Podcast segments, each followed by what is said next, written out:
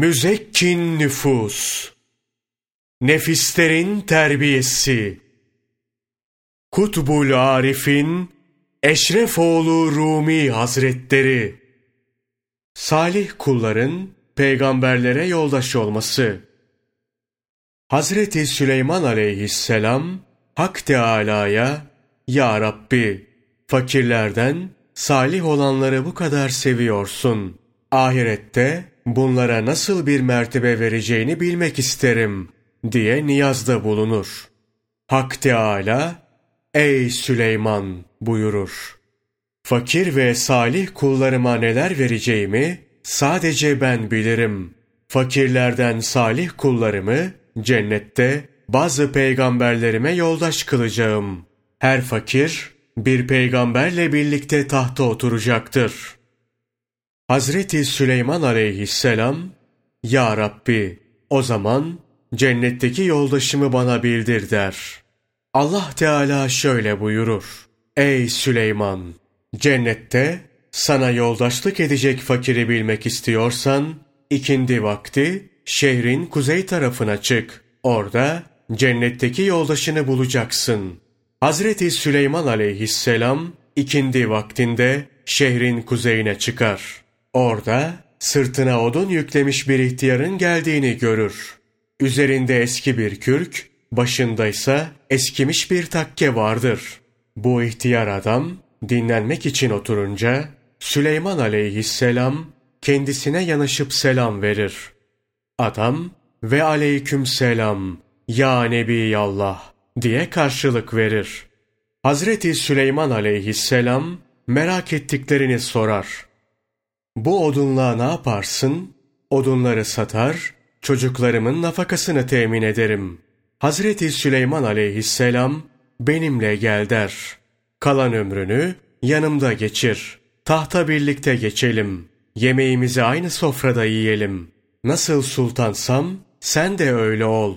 Güç ve kuvvetinin tükendiği şu yaşlılık günlerinde bu sıkıntılarından kurtul. Ahir ömründe rahata kavuş. İhtiyar oduncu tebessüm ederek şöyle der. Ya Süleyman! Bu büyüklükten, kavgadan, fani dünyanın saltanatından, zarardan gayri ne fayda gelir?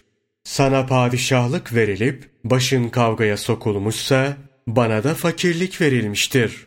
Süleymanlığın sana mübarek olsun. Fakirliğim bana yeter.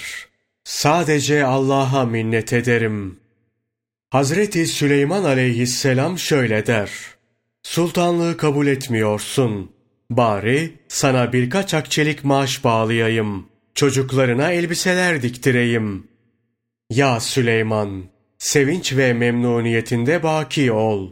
Ben fakirliğime şükrediyorum. Ey ihtiyar oduncu! Cennette bana komşu olmayı sahiden hak ediyorsun. Ey aziz! Beğenmediğin, aşağılayıp hor gördüğün kimselerin, salihlerden olup peygamberlere arkadaş olacağına neden inanmıyorsun? Bil ki onlar senin gibi birçok kişiyi ateşten kurtarır.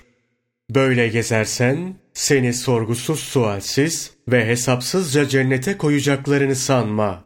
Dünyada hiçbir şeye sahip değilsin diye doğrudan cennete gideceğini mi sanıyorsun?